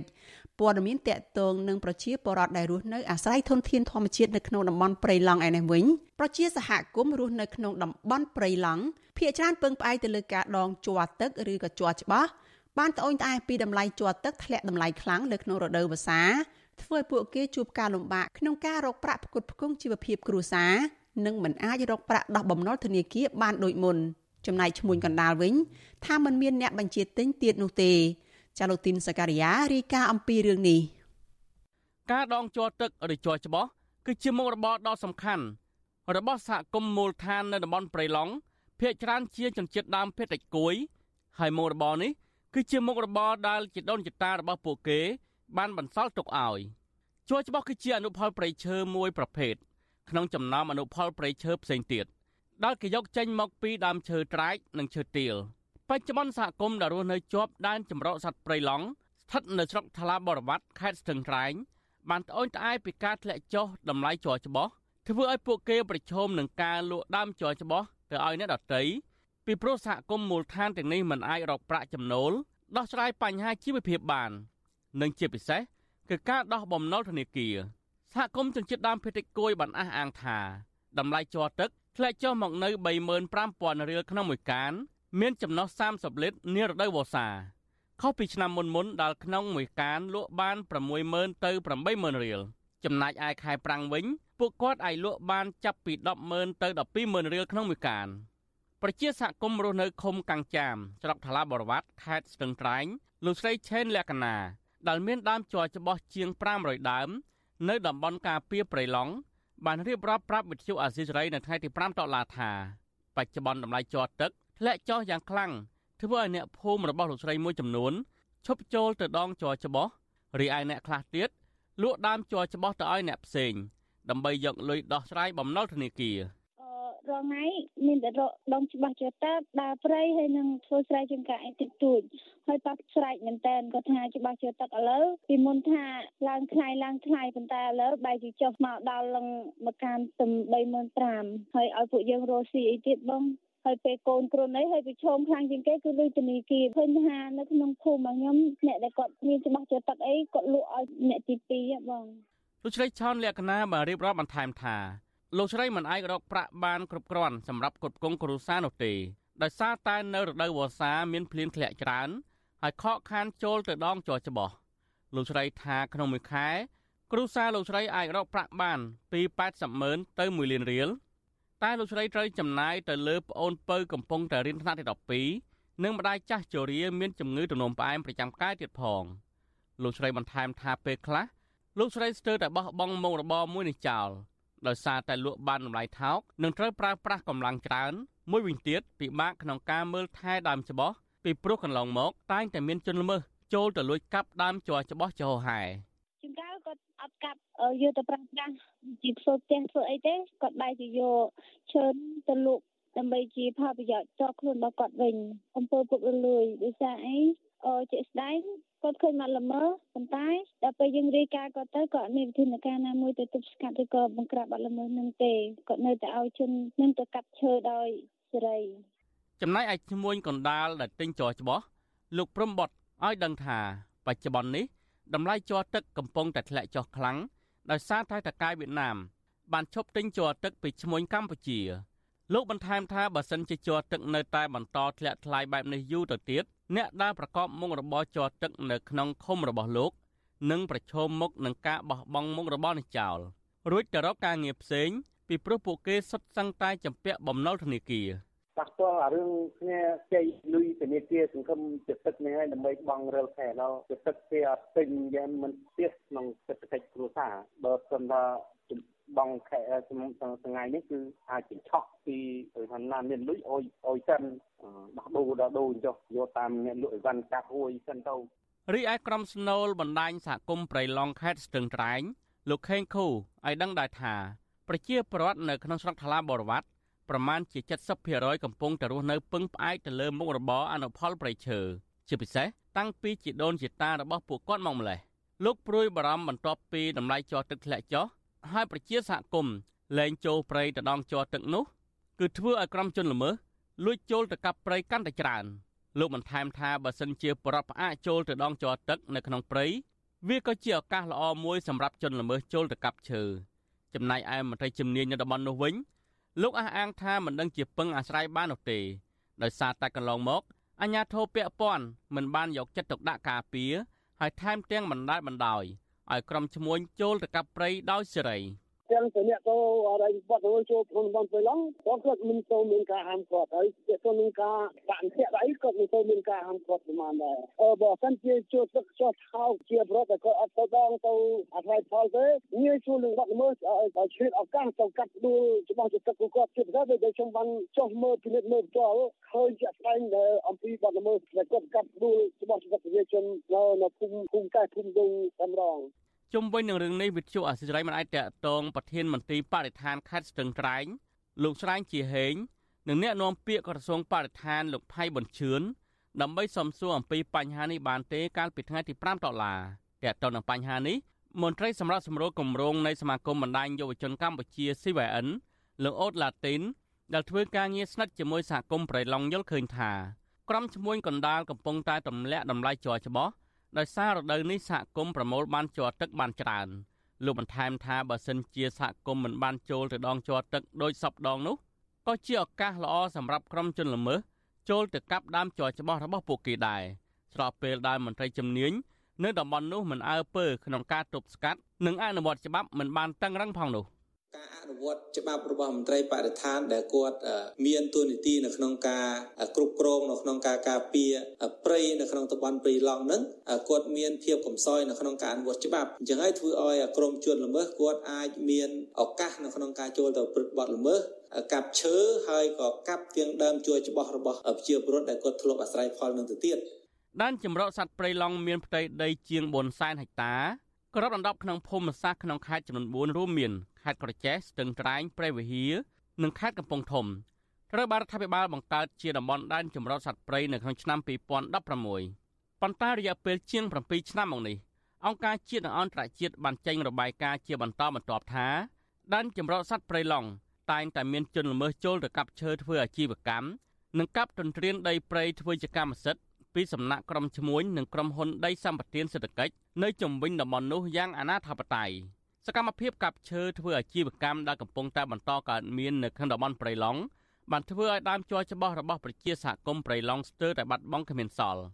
ប្រជាប្រដ្ឋមូលដ្ឋានកំពុងតែប្រឈមនឹងការបាត់បង់មុខរបរដងជ័រទឹកតាមប្រពៃណីនេះជាបណ្ដាបណ្ដាហើយ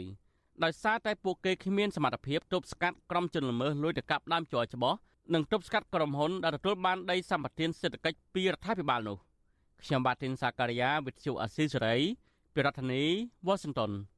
លោកអ្នកនាងកញ្ញាប្រិយមិត្តជាទីមេត្រីចាស់ស្របពេលដែលគ្រឿងស្រវឹងកំពុងคล้ายទៅជាភេសជ្ជៈដ៏ពេញនិយមនៅក្នុងប្រទេសកម្ពុជាក្រុមហ៊ុនស្រាបៀរក៏កំពុងពង្រីកការផ្សព្វផ្សាយនិងបន្ថែមរង្វាន់ផ្សេងផ្សេងដើម្បីទាក់ទាញអតិថិជន នៅក្នុងរដូវបុណ្យកាន់បិណ្ឌនេះបញ្ហានេះធ្វើឲ្យព្រះសង្ឃប្រជាពលរដ្ឋរួមនឹងមន្ត្រីអង្គការសង្គមស៊ីវិលព្រួយបារម្ភពីការអូសទាញប្រជាពលរដ្ឋឲ្យទទួលទានគ្រឿងស្រវឹងកាន់តែខ្លាំង នៅក្នុងឱកាសដែលពួកគាត់ជួបជុំសមាជិកគ្រួសារនៅក្នុងរដូវបុណ្យភ្ជុំបិណ្ឌដែលអាចនឹងបង្កទៅជាវិបត្តិសង្គមនៅថ្ងៃខាងមុខលោកជីវតា មានសេចក្តីរាយការណ៍មួយទៀតអំពីរឿងនេះគណៈប្រជាពលរដ្ឋខ្មែរកំពុងមមាញឹកធ្វើបុណ្យកាន់បិណ្ឌឈានទៅរកបុណ្យភ្ជុំដែលជាបុណ្យប្រពៃណីជាតិនោះ សន្ទុះនៃការផ្សព្វផ្សាយពាណិជ្ជកម្មស្រាបៀរក៏ហាក់មានភាពសកម្មជាងមុនដែរប្រដេកប្រគុណជាលិនជាតិ គង់នៅវត្តក្នុងក្រុងបាត់ដំបង មានថេរដីកាប្រាប់វិទ្យុអាស៊ីសេរីថារាល់ពេលមានពិធីបុណ្យឬថ្ងៃឈប់សម្រាកផ្សេងផ្សេងព្រះអង្គតែងសង្កេតឃើញក្រុមហ៊ុនស្រាបៀរនាំគ្នាបង្កើនការផ្សព្វផ្សាយខ្លាំងជាងសពមួយដង ស្របពេលដែលពលរដ្ឋមួយចំនួនតែងយកឱកាសនោះជួបជុំគ្នាផឹកគ្រឿងស្រវឹងប្រដេកប្រគុណយល់ឃើញថាទង្វើទាំងនេះគឺជាការប្រព្រឹត្តខុសនឹងសិលជាពិសេសនៅក្នុងរដូវបុណ្យទាន ដែលប្រជាពលរដ្ឋគួរសម្រួមផ្លូវចិត្តធ្វើបុណ្យនិងគោរពព្រះពុទ្ធសាសនាហើយម្យ៉ាងវិញទៀតយើងអាចសង្កេតមើលឃើញបានថាបើសិនជាអេយ៉ាបតរបស់ប្រជាជនខ្មែរយើងគាត់នៅតែងាកទៅរកគ្រឿងស្រវឹងនឹងច្រើនអញ្ចឹងចង់មិនចង់សង្គមកម្ពុជារបស់យើងនឹងវិវត្តទៅជាសង្គមមួយដែលឲ្យតម្លៃខ្លាំងទៅលើរឿងគ្រឿងស្រវឹងហ្នឹងហើយយើងភ្លេចទៅលើការធ្វើបន់ភ្លេចទៅលើការដែលផ្សព្វផ្សាយទៅលើពាក្យអប់រំពាក្យទូមានអីផ្សេងៗហ្នឹងហើយបងនៅកម្ពុជា គ្រឿងស្រវឹងត្រូវបានផ្សព្វផ្សាយព្រួងព្រាតតាមកញ្ចក់ទូរទស្សន៍កាសែតទស្សនាវដ្តីផ្ទាំងផ្សាយពាណិជ្ជកម្មធំធំតាមដងផ្លូវភ្ជាប់ជាមួយគេហទំព័ររបស់សារព័ត៌មានមួយចំនួននិងនៅតាមទីកន្លែងសាធារណៈនានាទូទាំងប្រទេស ជាពិសេសនៅក្នុងរដូវភ្ជុំបិណ្ឌយុទ្ធនាការផ្សព្វផ្សាយគ្រឿងស្រវឹងធ្វើឡើងជាលក្ខណៈទ្រង់ទ្រាយធំធំដោយមានការដង្ហែក្បួនរថយន្តដែលដាក់តាំងកំពង់ស្រាបៀរធំធំនៅពីលើ ហែកាត់តាមភូមិស្រុកនិងទីរួមខេត្តជាដើមរីឯដេប៉ូធំធំជាច្រើនកន្លែងចាប់ផ្ដើមដឹកជញ្ជូនស្រាបៀរយកមកស្តុកទុក សម្រាប់ចែកចាយក្នុងថ្ងៃប្រជុំធំគណៈក្រុមហ៊ុនផលិតស្រាបៀរកំពុងសកម្មក្នុងការបិទបដាឃោសនា អំពីរង្វាន់ក្រវិលកំប៉ុងដ៏សម្បូរបែបដោយឡែកនៅលើបណ្ដាញសង្គមវិញពលរដ្ឋមិនថាក្មេង ចាស់វ័យជំទង់ឬវ័យកណ្ដាលនោះទេ ច្រើននាំគ្នាចែករំលែកនិងបញ្ចេញមតិបង្ហាញអារម្មណ៍សប្បាយរីករាយជាមួយគ្រឿងស្រវឹងផងដែរជុំវិញសកម្មភាពទាំងនេះនិស្សិតសិក្សាផ្នែកសង្គមវិទ្យាលោកកឹមជីលីនយល់ឃើញថា ទាំងនេះវាមិនមែនជារឿងចៃដន្យនោះទេ ដែលប្រជាជនកម្ពុជាមានទំនោរទៅរកការសេពគ្រឿងស្រវឹងគ្រប់កលៈទេសៈព្រោះរដ្ឋាភិបាលកម្ពុជាបានបើកលំហសេរីភាពទូលំទូលាយដល់ការចរាចរណ៍ចែកចាយ និងផ្សព្វផ្សាយគ្រឿងស្រវឹងគ្រប់ប្រភេទនៅតាមទីសាធារណៈលោកបន្តថាការផ្សព្វផ្សាយនិងការចែកចាយគ្រឿងស្រវឹងក្នុងអំឡុងពិធីបុណ្យជាតិនិងថ្ងៃឈប់សម្រាកសំខាន់គឺជាមូលហេតុដ៏ធំមួយដែលបង្កឲ្យមានកំណើនគ្រោះថ្នាក់ចរាចរណ៍ផងដែរ ជាទស្សនៈឯនឹងជាយោបល់ហើយនឹងកំណត់ពីខ្ញុំទៅវិញខ្ញុំជាពលរដ្ឋម្នាក់ខ្ញុំយល់ឃើញថាវាដល់ពេលដែលពលរដ្ឋកម្ពុជាខ្លួនឯងនឹងទាំងអស់គ្នាគួរតែចាប់ផ្ដើមធ្វើវិញយ៉ាងធ្វើវិញយ៉ាងទៅលើរឿងការប្រើប្រាស់គ្រឿងសង្វឹងនេះយើងអាចចូលរួមតាមរយៈការពហិការលើខ្លួនឯងផ្ទាល់ហ្នឹងគឺពុំចូលរួមចំណែកក្នុងការយកគ្រឿងសង្វឹងមកកំដងពេលបរិយាកាសកំសាន្តនានាអញ្ចឹងណាមិនបរិភោគគ្រឿងសង្វឹងអីចឹងទៅការផ្សាយពាណិជ្ជកម្មស្រាបៀរតែងភ្ជាប់នឹងសារលើកសរសើរពីគុណភាពផលិតផលរបស់ខ្លួន ថាមានរសជាតិឆ្ងាញ់គេងលក់ស្រួល និងមានសារខ្លះថាជាមោទនភាពជាតិដែលជំរុញឲ្យអតិថិជនភ្លក់រសជាតិដើម្បីផ្សងសំណាងយករង្វាន់ទៀតផងក្រុមហ៊ុនស្រាបៀរទាំងនោះព្យាយាមជ្រៀតចូលឲ្យចិត្តប្រជាពលរដ្ឋតាមរយៈការឧបត្ថម្ភឲ្យមានការប្រគំតន្ត្រីធំធំ ការប្រកួតកីឡា និងការជួលឲ្យមានតារាសម្ដែងដែលតារាល្បីៗជួយផ្សព្វផ្សាយនៅលើបណ្ដាញសង្គមថែមទៀតផង វិទ្យុអាស៊ីសេរីមិនអាចតាក់ទងអ្នកណាំពាក្យក្រសួងពាណិជ្ជកម្មលោកប៉ែនសុវិជាតិនិងអ្នកណាំពាក្យក្រសួងធម្មការនិងសាសនាលោកសីសុមនីដើម្បីសុំការបកស្រាយជុំវិញបញ្ហានេះបានទេនៅថ្ងៃទី8តុលាតែកតិននឹងរឿងនេះប្រធានសមាគមសម្ព័ន្ធនិស្សិតបញ្ញវន្តខ្មែរលោកកៅសរាយមានប្រសាសន៍ថា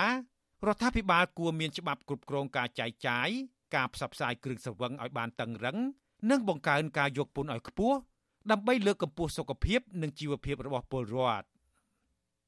យើងគួរតែដល់ពេលហើយដែលត្រូវគិតអំពីសង្គមជាតិរបស់យើង គេប្រទេសដែលគេរីកចម្រើន គេប្រយ័ត្នណាស់ការដាក់លក់គ្រឿងសង្វឹងការផ្សព្វផ្សាយគ្រឿងសង្វឹងជាសាធារណៈយើងនេះមិនត្រឹមតែមិនកាត់បន្ថយការផ្សព្វផ្សាយគ្រឿងសង្វឹងនៅទីសាធារណៈទេថែមទាំងលើកទឹកចិត្តឲ្យថែមទាំងចាត់ទុកស្រានឹងគឺជាស្នាដៃជាតិយករូបអង្គរវត្តយករូបអីតដាក់ជាដើមថាកម្ពុជាយើងអាចធ្វើបាននេះជារឿងអាម៉ាស់ដែលខ្ញុំគិតថាខ្ញុំមិនមានមោទនភាពអីនោះទេ របាយការណ៍ឆ្នាំ2023របស់អង្គការ Wise Voter បានរកឃើញថាកម្ពុជាឈរនៅលេខរៀងទី3ដែលមានប្រជាជនផឹកស្រាច្រើនជាងគេនៅតំបន់អាស៊ាននិងលេខរៀងទី36នៅក្នុងចំណោមប្រទេសនៅលើពិភពលោកខណៈប្រទេសឡាវឈរនៅលេខរៀងទី1ក្នុងតំបន់អាស៊ាន និងលេខរៀងទី18នៅលើពិភពលោកបន្ទាប់មកប្រទេសវៀតណាមឈរនៅលេខរៀងទី2ក្នុងតំបន់អាស៊ាន និងលេខរៀងទី28នៅលើពិភពលោក ប្រសង់ប្រជាពលរដ្ឋនិងមន្ត្រីសង្គមស៊ីវិលលើកឡើងថាការបើកឲ្យផ្សព្វផ្សាយគ្រឿងស្រវឹងដោយគ្មានច្បាប់កំណត់បែបនេះនឹងធ្វើឲ្យសិលធម៌សង្គមកម្ពុជាកាន់តែធ្លាក់ចុះអត្រានៃករណីគ្រោះថ្នាក់ចរាចរណ៍កាន់តែខ្ពស់និងជំងឺរ៉ាំរ៉ៃធ្ងន់ធ្ងរប្រចាំកាយនឹងកើតមានដល់ពលរដ្ឋខ្មែរកាន់តែច្រើន ដែលคล้ายទៅជាវិបត្តិសង្គមទៅថ្ងៃមុខខ្ញុំជីវិតាអាស៊ីសេរី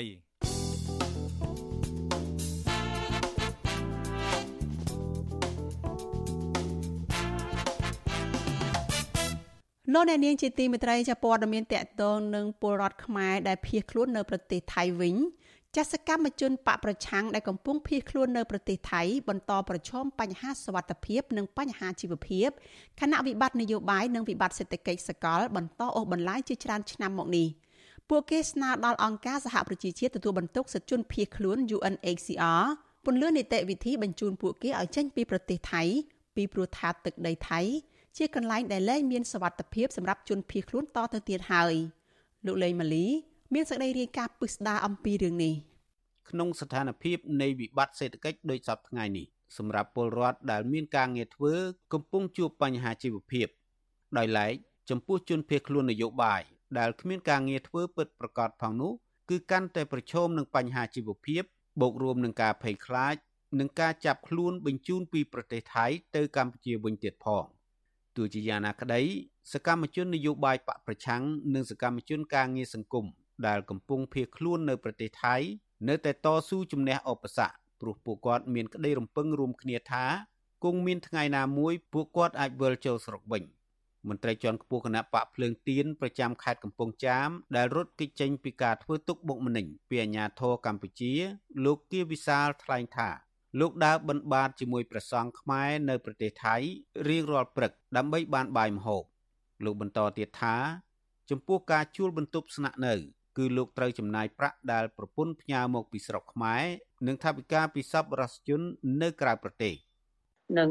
ដូចជាខ្ញុំអញ្ចឹងខ្ញុំក៏សុខចិត្តសម្រេចចិត្តដើរបិណ្ឌបាតជាមួយប្រសង់ក្រនបានអាហារហូបចុកណាបណ្ដោះ អាសន្នអង្គគ្រាដែលកំពុងលំបាកក្នុងការភៀសខ្លួនហ្នឹងហ្នឹងគឺជាជារឿងរបស់ខ្ញុំផ្ទាល់ខ្លួនបាទហ្នឹងខ្ញុំចង់បញ្ជាក់ប៉ុណ្ណឹងបាទស្រដៀងគ្នានេះសកម្មជនគណៈបកសង្គ្រោះជាតិលោកសូដារ៉ាប្រាប់ថាសប្តាហ៍ថ្ងៃនេះគុំទៅបានបាយវត្តដែលប្រសង់ផ្ដាល់ឲ្យទេនិងថាវិការសពរសជនផ្ដាល់ឲ្យយូរយូរម្ដងនោះប្រហែលជាលោកមិនអាចរស់នៅប្រទេសថៃបានទេលោកបន្តថាមានខែខ្លះអត់លុយបង់ថ្លៃបន្ទប់ គឺលោកត្រូវដើរសុំលុយពីអង្គការសង្គមស៊ីវិលនៅក្នុងប្រទេសថៃខ្លះដែលជួយជនភៀសខ្លួនប៉ុន្តែពេលខ្លះគេផ្ដល់ឲ្យ និងពេលខ្លះគេមិនបានផ្ដល់ឲ្យទេ ដែលលោកត្រូវឲ្យកូននិងប្រពន្ធផ្ញើលុយមកឲ្យលោកដោះស្រាយ វេទនាណាឥឡូវនេះកាន់តែវត្តទៅជាងមុនហើយព្រោះវាអស់អោស្បៀងអាហារនៅក្នុងខ្លួនហើយក៏គ្មានអ្នកណាឧបត្ថម្ភមកទៀតទេហ្មងមកសម្រាប់លោកខ្ញុំទៅទៅស្មោកចឹងទៅយើងទៅរកបាយវត្តហូបទៅទៅធ្វើម្ហូបដូចគេរាល់ថ្ងៃមិនដែលបានធ្វើម្ហូបទេឥឡូវអត់ទៅធ្វើទៅម្ហូបវត្តទៅណាមួយអត់ដាច់លុយតែអីជីវិតរោគព្រឹកខ្វះល្ងាចនិងការប្រឈមមុខជាមួយសមត្ថកិច្ចថៃចាប់ខ្លួនគ្រប់ពេលព្រោះជាជនបរទេសរស់នៅប្រទេសថៃដោយខុសច្បាប់បើទោះជាសកម្មជននយោបាយទាំងនោះ មានការទទួលស្គាល់ជាជនភៀសខ្លួនដោយអង្គការសហប្រជាជាតិទទួលបន្ទុកជនភៀសខ្លួនប្រចាំប្រទេសថៃប៉ុន្តែច្បាប់ប្រទេសថៃមិនទាន់អនុញ្ញាតឲ្យជនភៀសខ្លួនមានសិទ្ធិរស់នៅប្រទេសថៃស្របច្បាប់ឡើយហើយក៏គ្មានសិទ្ធិធ្វើការងារនោះដែររីឯមន្ត្រីគណៈបកសង្គ្រោះជាតិប្រចាំខេត្តកំពង់ស្ពឺលោកហុងថេងអាយុ56ឆ្នាំដែលកំពុងភៀសខ្លួននៅក្នុងប្រទេសថៃត្អូញត្អែថាការរស់នៅរបស់លោកលំបាកស្ទើរគ្រប់បែបយ៉ាង ដោយសារនៅទីនោះលោកមិនអាចធ្វើការងាររកប្រាក់បានទេ តែត្រូវចំណាយលើថ្លៃហូបចុកហើយបញ្ហាសំខាន់បំផុត គឺបញ្ហាសុវត្ថិភាពលោកឲ្យដឹងទៀតថាការរស់នៅក្នុងប្រទេសថៃជាង5ឆ្នាំមកនេះលោកពឹងលើការឧបត្ថម្ភប្រាក់ពីគណៈបកសង្គ្រោះជាតិជាង2000បាតឬស្មើប្រមាណ70ដុល្លារក្នុងមួយខែ ហើយពេលខ្លះលោកខ្ចីប្រាក់ពលករខ្លះអ្នកជិតខាងខ្លះដើម្បីដោះស្រាយជីវភាព។ បើនិយាយពីការរស់នៅស្រុកថៃនេះវាវេទនានេះហួសពីវេទនាពេកហើយប៉ុន្តែគ្រាន់ថាយើងទៅមុខក៏មិនរួចយើងថយក្រោយក៏មិនរួចអញ្ចឹងយើងចេះតែតស៊ូរស់ដោយលំបាកហូបចុកត្បិតត្បៀតអីតាមដំណើរអញ្ចឹងទៅហើយមានលុយកាក់តិចតួចដែលត្រូវនេះនឹងទុកតែសំបងថ្លៃបន្ទប់គេអញ្ចឹងទៅជនភៀសខ្លួននៅប្រទេសថៃពួកគាត់គ្មានមុខរបររឹងមាំដើម្បីទ្រទ្រង់សេដ្ឋកិច្ចគ្រួសារឡើយពួកគាត់ធ្វើការត្រឹមតែជាកម្មករសំណង់ កម្មករតាមទូកនេសាទនិងកម្មករកន្លែងជួសជុលរថយន្តការងារទាំងនេះសុទ្ធតែជាការងារខុសច្បាប់ព្រោះពួកគាត់គ្មានឯកសារការងារបានអនុញ្ញាតឲ្យធ្វើការងារដោយពលករទូទៅឡើយចំណែកអ្នកខ្លះរកការងារមិនបានធ្វើព្រោះអាយុច្រើន មិនសូវស្គាល់គេ ពួកគាត់បានត្រឹមតែសុំជំនួយពីអង្គការដៃគូរបស់អង្គការ UNHCR ជាប្រាក់បន្តិចបន្តួចអង្គត្រីខនិងទឹកត្រីជាដើម។ សកម្មជនគណៈបកភ្លើងទៀនកញ្ញាគៀតកញ្ញាដែលទើបភៀសខ្លួនទៅប្រទេសថៃត្អូញត្អែថាការរស់នៅទីនោះកញ្ញានៅតែផិតភ័យពីបញ្ហាសុវត្ថិភាពព្រោះចាប់តាំងពីកញ្ញាទៅដល់ប្រទេសថៃកញ្ញាឃើញសកម្មជននយោបាយដែលជាជនភៀសខ្លួនផ្សេងទៀតរងការវាយធ្វើបាបនិងត្រូវសមត្ថកិច្ចថៃចាប់ខ្លួនកញ្ញាឲ្យដឹងទៀតថាសប្តាហ៍ថ្ងៃនេះកញ្ញាត្រូវពឹងលើប្រាក់ពីឪពុកម្ដាយដែលផ្ញើពីស្រុកខ្មែរ និងថាវិការពីសប្បុរសជន ដើម្បីដោះស្រាយសម្រាប់ការរស់នៅ ក្នុងប្រទេសថៃជាជនភៀសខ្លួនយើងអត់មានសិទ្ធិទៅធ្វើការឬក៏មិនទេបើសិនជាគេចាប់បានហើយសូម្បីតែ UN ក៏ប្រាប់ដែរយើងអត់មានសិទ្ធិក្នុងការដើរហើរឲ្យយើងប្រយ័ត្នហើយរឿងធ្វើការធ្វើអីហ្នឹងគឺអត់មានទេឲ្យយើងហ្នឹងនៅឲ្យស្ងៀមអញ្ចឹងណាហើយណាមួយយើងទៅបដក៏យើងអត់ទាន់ចេះភាសាដល់ពេលអញ្ចឹងទោះបីជាយើងទៅរកការងារក៏ពិបាកចាប់តាំងពីរដ្ឋាភិបាលក្រុងភ្នំពេញរំលាយគណៈបកសង្គ្រោះជាតិកាលពីឆ្នាំ2017មក មានសកម្មជនគណៈបកនេះជាង100នាក់បានភៀសខ្លួនទៅប្រទេសថៃដើម្បីគេចចេញពីការធ្វើទុកបុកម្នេញក្នុងនោះសកម្មជនជិត50នាក់កំពុងភៀសខ្លួននៅក្នុងប្រទេសថៃនៅឡើយអ្នកទាំងនោះភ ieck ច្រើនជាសកម្មជនគណៈបកសង្គ្រោះជាតិសកម្មជនគណៈបកភ្លើងទៀននិងសកម្មជនដេកធ្លីជាដើមនៅរយៈពេលចុងក្រោយនេះជនភៀសខ្លួនមួយចំនួនធំត្រូវបានអង្គការសហប្រជាជាតិទទួលបន្ទុកជនភៀសខ្លួនហៅកាត់ថា UNHCR ប្រចាំទីក្រុងបាងកកបញ្ជូនទៅជ្រកកោននៅកន្លែងមានសុវត្ថិភាពនៅប្រទេសទី3ហើយសកម្មជនមួយចំនួនទៀតត្រូវបានរដ្ឋាភិបាលលោកហ៊ុនសែនសហការជាមួយសមាជិកថៃចាប់បញ្ជូនទៅដាក់ឃុំឃាំងនៅក្នុងប្រទេសកម្ពុជាប្រធានអង្គការសម្ព័ន្ធភាពការពារសិទ្ធិមនុស្សកម្ពុជាហៅកាត់ថាច្រាក់លោករស់សថាយល់ថាសកម្មជននយោបាយដែលភៀសខ្លួនទៅប្រទេសថៃ នៅតែប្រឈមនឹងការតាមឃ្លាំមើលពីគណៈបកកណ្ដាលអំណាច ដូច្នេះបើគ្មានដំណោះស្រាយពួកគេអាចប្រឈមនឹងការចាប់បញ្ជូនពីប្រទេសថៃទៅកម្ពុជាឬក៏ត្រូវសមត្ថកិច្ចចាប់ខ្លួននៅពេលពួកគេវិលទៅកម្ពុជាវិញ លោកបន្តទៀតថា នៅពេលប្រទេសថៃហាក់មិនមែនជាកន្លែងមានសុវត្ថិភាពដល់ជនភៀសខ្លួនទាំងនោះទៀតទេដូច្នេះលោកថា UNHCR គួរមានការជជែកឡើងវិញជាមួយរដ្ឋាភិបាលថៃដើម្បីធានាឲ្យមានការគោរពសិទ្ធិជនភៀសខ្លួនផលសិទ្ធិជ្រកកោនហ្នឹងឲ្យវា ត្រូវតែពិនិត្យឡើងវិញហើយយើងធ្វើឲ្យកែតម្រូវអានេះមធ្យោបាយហ្នឹងឲ្យវាបានលឿននិងមានសិទ្ធិភាពជាងមុនអាហ្នឹងដែលយើងពិនិត្យមើលឃើញណាបាទហើយសកម្មផងដែរក្នុងការតស៊ូមតិនឹងចំពោះនឹងការអនុវត្តខុសទាំងឡាយរបស់ប្រទេសពាក់ព័ន្ធពិសេសប្រទេសថៃហ្នឹងមិនត្រូវស្ងៀមស្ងាត់ទេបាទតើតើនឹងបញ្ហាសវត្ថភាពជនភៀសខ្លួននៅប្រទេសថៃនេះដែរអ្នកនាំពាក្យគណៈបកប្រជាជនកម្ពុជាលោកសុកអេសានធ្លាប់ប្រមានថា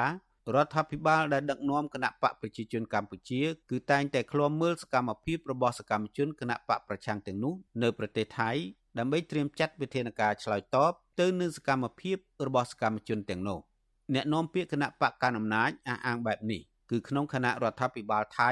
និងរដ្ឋាភិបាលកម្ពុជា មានកិច្ចសហប្រតិបត្តិការជាមួយគ្នាក្នុងការចាប់ខ្លួនទណ្ឌិត ឬអ្នកទោសបញ្ជូនឲ្យគ្នាទៅវិញទៅមក កន្លងទៅរដ្ឋាភិបាលកម្ពុជាក៏ធ្លាប់សហការជាមួយសមាជិកថៃចាប់ខ្លួនសកម្មជន និងអ្នកគាំទ្រគណៈបកប្រឆាំងពីប្រទេសថៃទៅកម្ពុជាវិញជាបន្តបន្ទាប់ចំណែកសកម្មជនគណៈបកប្រឆាំងមួយចំនួនទៀតក៏ត្រូវបានជន់មិនស្គាល់មុខវាយធ្វើបាបឲ្យរងរបួសនៅប្រទេសថៃផងដែរខ្ញុំបាទលេងម៉ាលីវិទ្យុអាស៊ីសេរី Washington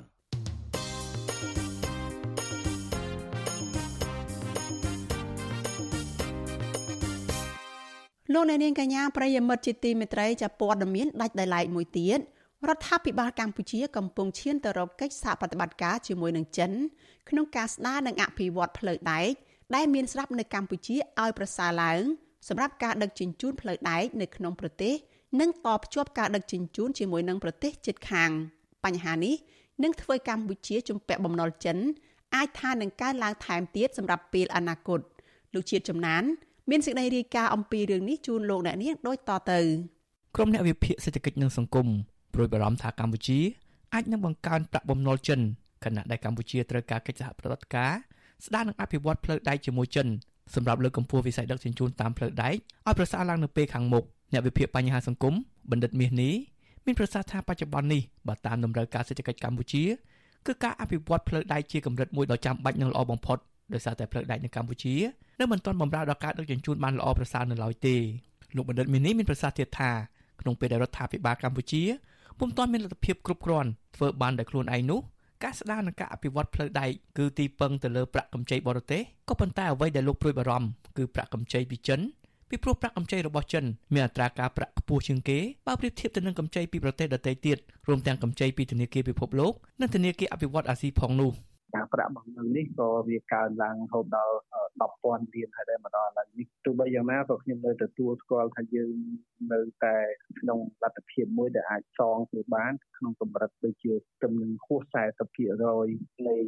GDP យើងមិនបន្តិចអីប៉ុណ្ណឹងទេបាទនេះវាមិនបញ្ហាអីទេក៏ប៉ុន្តែវាអាស្រ័យទៅលើការវិវត្តនៃសេដ្ឋកិច្ចរបស់យើងដែរបើសេដ្ឋកិច្ចរបស់យើងនៅធ្លាក់ចូលដល់ថ្ងៃយើងអាចមានបញ្ហាសងទៀតបណ្ឌិតមាសនេះបញ្ជាក់ទៀតថា តាមការស្រាវជ្រាវរបស់លោកក្នុងរបាយការណ៍កាលពីឆ្នាំមុនប្រទេសកម្ពុជាគ្រាន់តែសងបំណុលសាធារណៈដែលជំពាក់ពីបរទេសមានទឹកប្រាក់ប្រមាណពី500ទៅ600លានដុល្លារទៅហើយក្នុងមួយឆ្នាំ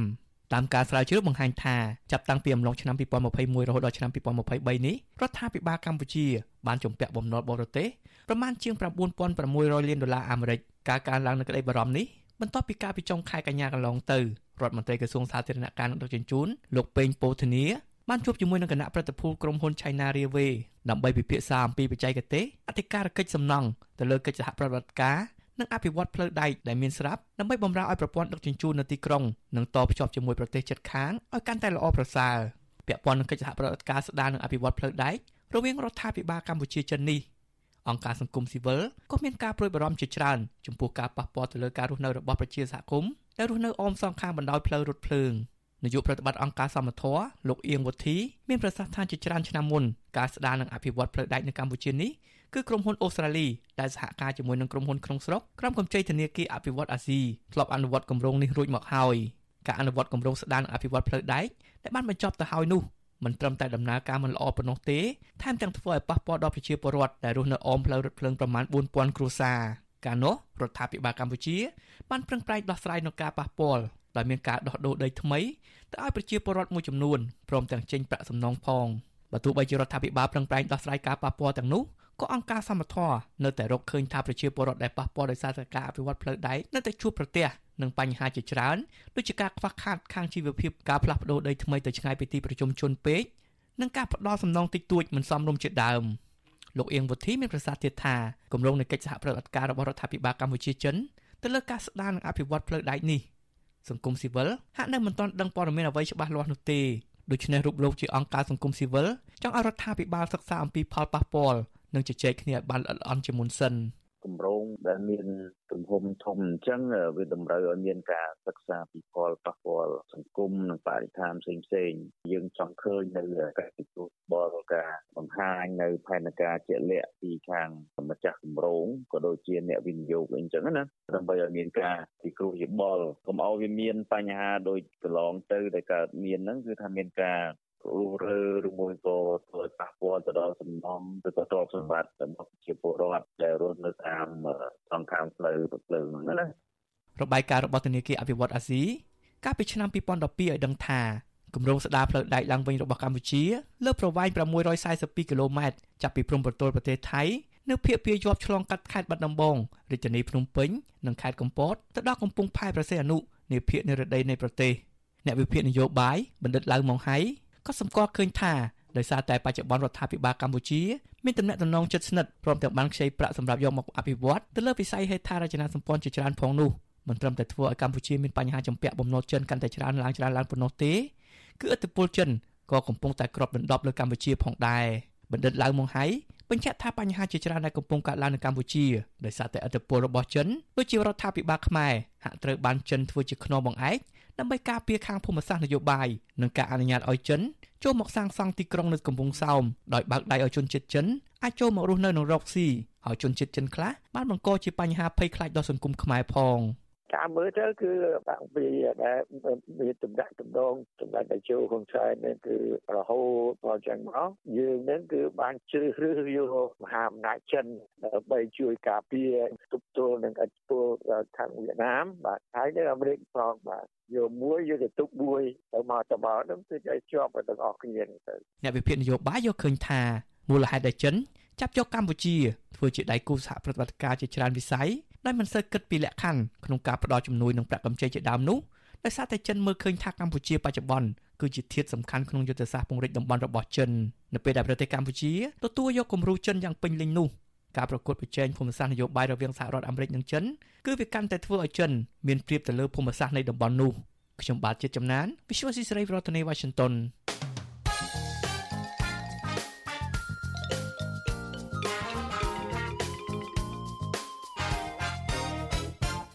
លោកអ្នកនាងកញ្ញាជាទីមេត្រីកັບផ្សាយរយៈពេល1ម៉ោងរបស់វិទ្យុអាស៊ីសេរីជាភាសាខ្មែរនៅព្រឹកនេះចាប់ត្រឹមតែប៉ុណ្ណេះនាងខ្ញុំសុជីវីព្រមទាំងក្រុមការងារទាំងអស់នៃវិទ្យុអាស៊ីសេរីចាសសូមជូនពរដល់លោកអ្នកនាងកញ្ញានិងក្រុមគ្រួសារទាំងអស់ថាសូមប្រកបតែនឹងសេចក្តីសុខសុភមង្គលនិងសុខភាពល្អកុំបីឃ្លៀងឃ្លាតឡើយចាសនេះខ្ញុំសូមអរគុណនិងសូមជម្រាបលា